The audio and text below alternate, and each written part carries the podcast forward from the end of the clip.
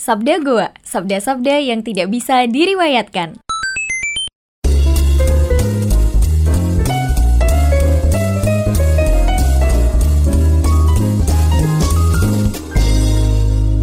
Sabda Midweek Selection Kurotul Kodam Kilau keemasan Premier League memudahkan kita lupa Liga Inggris punya wajah yang berbeda dahulu kala. Jadwal berantakan, dugaan pengaturan skor, hingga wabah, wabah hooliganisme menjadikan sepak bola sebagai olahraga hina. Rasanya wajar jika kisah sensasional sang kampion terakhir Liga Inggris sebelum Premier League, Leeds United, turut termakan zaman. Kejatuhan pamor Leeds bukan salah pengelolaan liga semata, bukan juga salah keterlambatan kehadiran media sosial yang memudahkan klub-klub zaman sekarang untuk mempertahankan diri dalam tataran teratas diskusi dunia maya. Faktanya, mereka sempat menikmati status sebagai salah satu klub elit Inggris di era modern.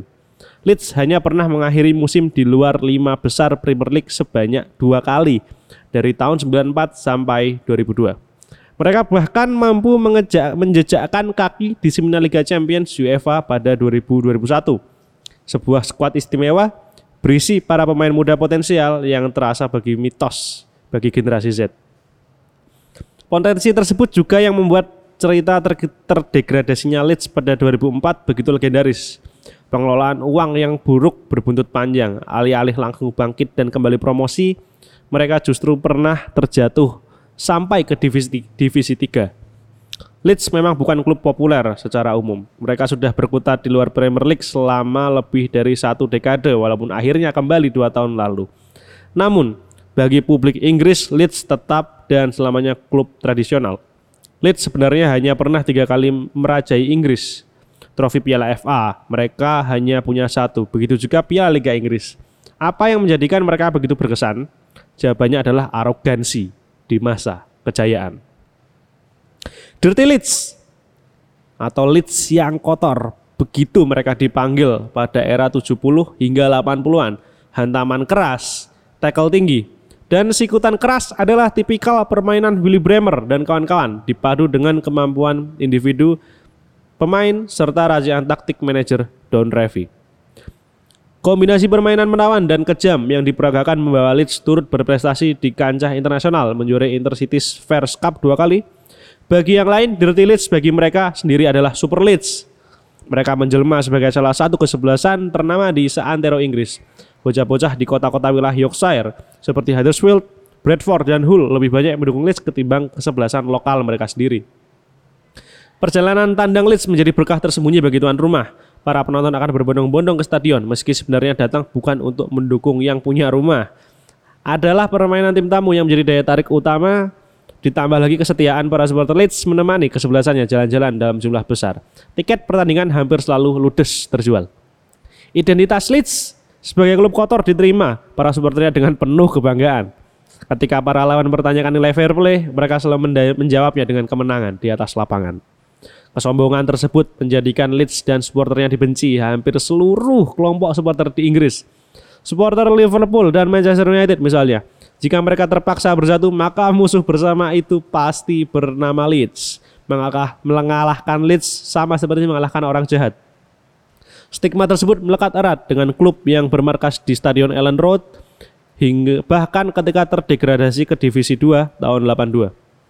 Kecuali supporter sendiri, tidak ada yang mau mengingat perjalanan ajaib manajer Howard Wilkinson membawa klub promosi ke divisi pertama pada tahun 90 dan menjuarainya dua musim kemudian.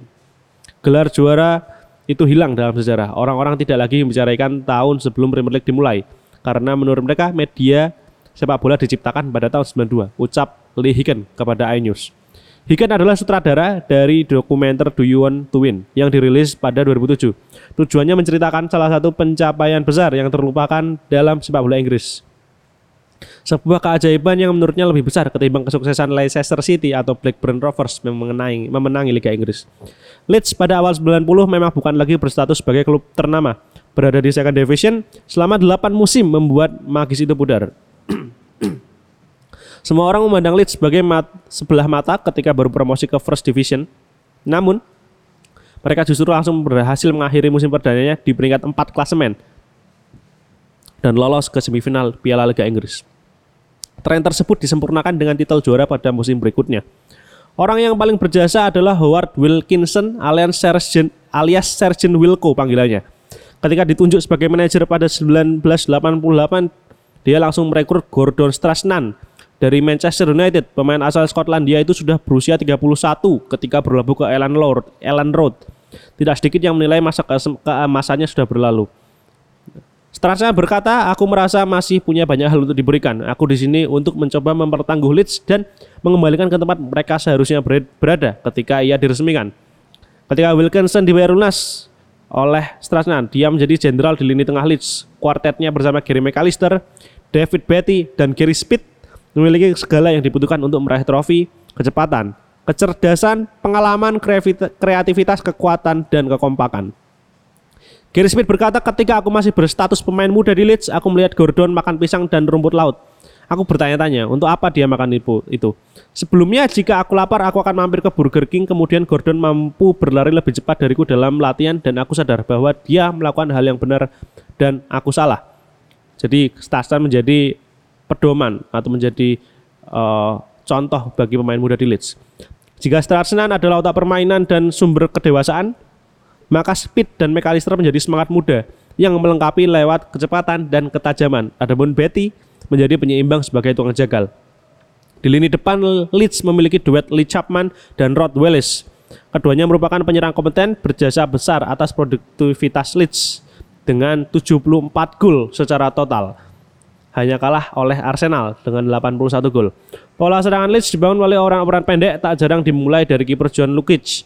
Barisan pertahanan yang diisi Mel Sterland, Chris Farclove, Chris White, dan Tony Dorigo pun menjalankan tugasnya secara baik.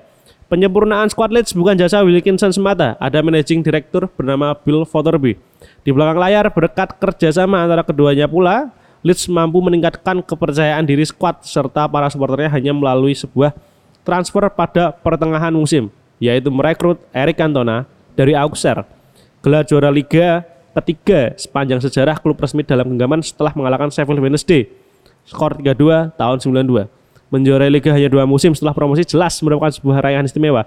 Hanya Nottingham Forest-nya Brian Clough yang punya catatan lebih baik. Lalu mengapa bisa capaian ini mudah terlupakan? Andil terbesar ada di sendiri. Mereka hancur total di musim selanjutnya, musim perdana Premier League. Gagal menangi laga tandang dan mengakhiri musim hanya dua poin di atas zona degradasi bagi mantan juara musim sebelumnya. Belum lagi arogansi dan tingkah buruk supporter yang berhasil diredam secara beberapa tahun kembali muncul selepas Wilkinson dipecat tahun 96. Jelas tidak banyak supporter lawan yang rela merawat Leeds dalam ingatan. Pengaruh lain datang dari kegelamuran Premier League yang menjadi babak baru sepak bola Inggris. Banyak borok yang perlu segeranya ditutup dan dilupakan, bukan hanya perbaikan, melainkan secara keseluruhan, termasuk skuad juara Leeds United. Jadwal pertandingan pra Premier League sangat berantakan. Rival langsung Leeds dalam perebutan titel juara Manchester United harus menjalani empat dari lima laga terakhir dalam kurun waktu tujuh hari. Mereka hanya mampu meraih satu poin, sementara tiga laga lainnya berakhir kekalahan. Leeds mengukuhkan gelar juara tepat pada kekalahan Manchester United yang ketiga sebanyak 2-0 dari Liverpool. Lebih, lebih banyak yang melihat Manchester United dirampok ketimbang memuji Leeds. Jangan lupa, Leeds juara hanya tiga tahun setelah tragedi Hillsborough. Tragedi itu menjadi titik kulminasi kebencian nasional terhadap hooliganisme, menjadi dosa sepak bola yang sulit dimaafkan khalayak.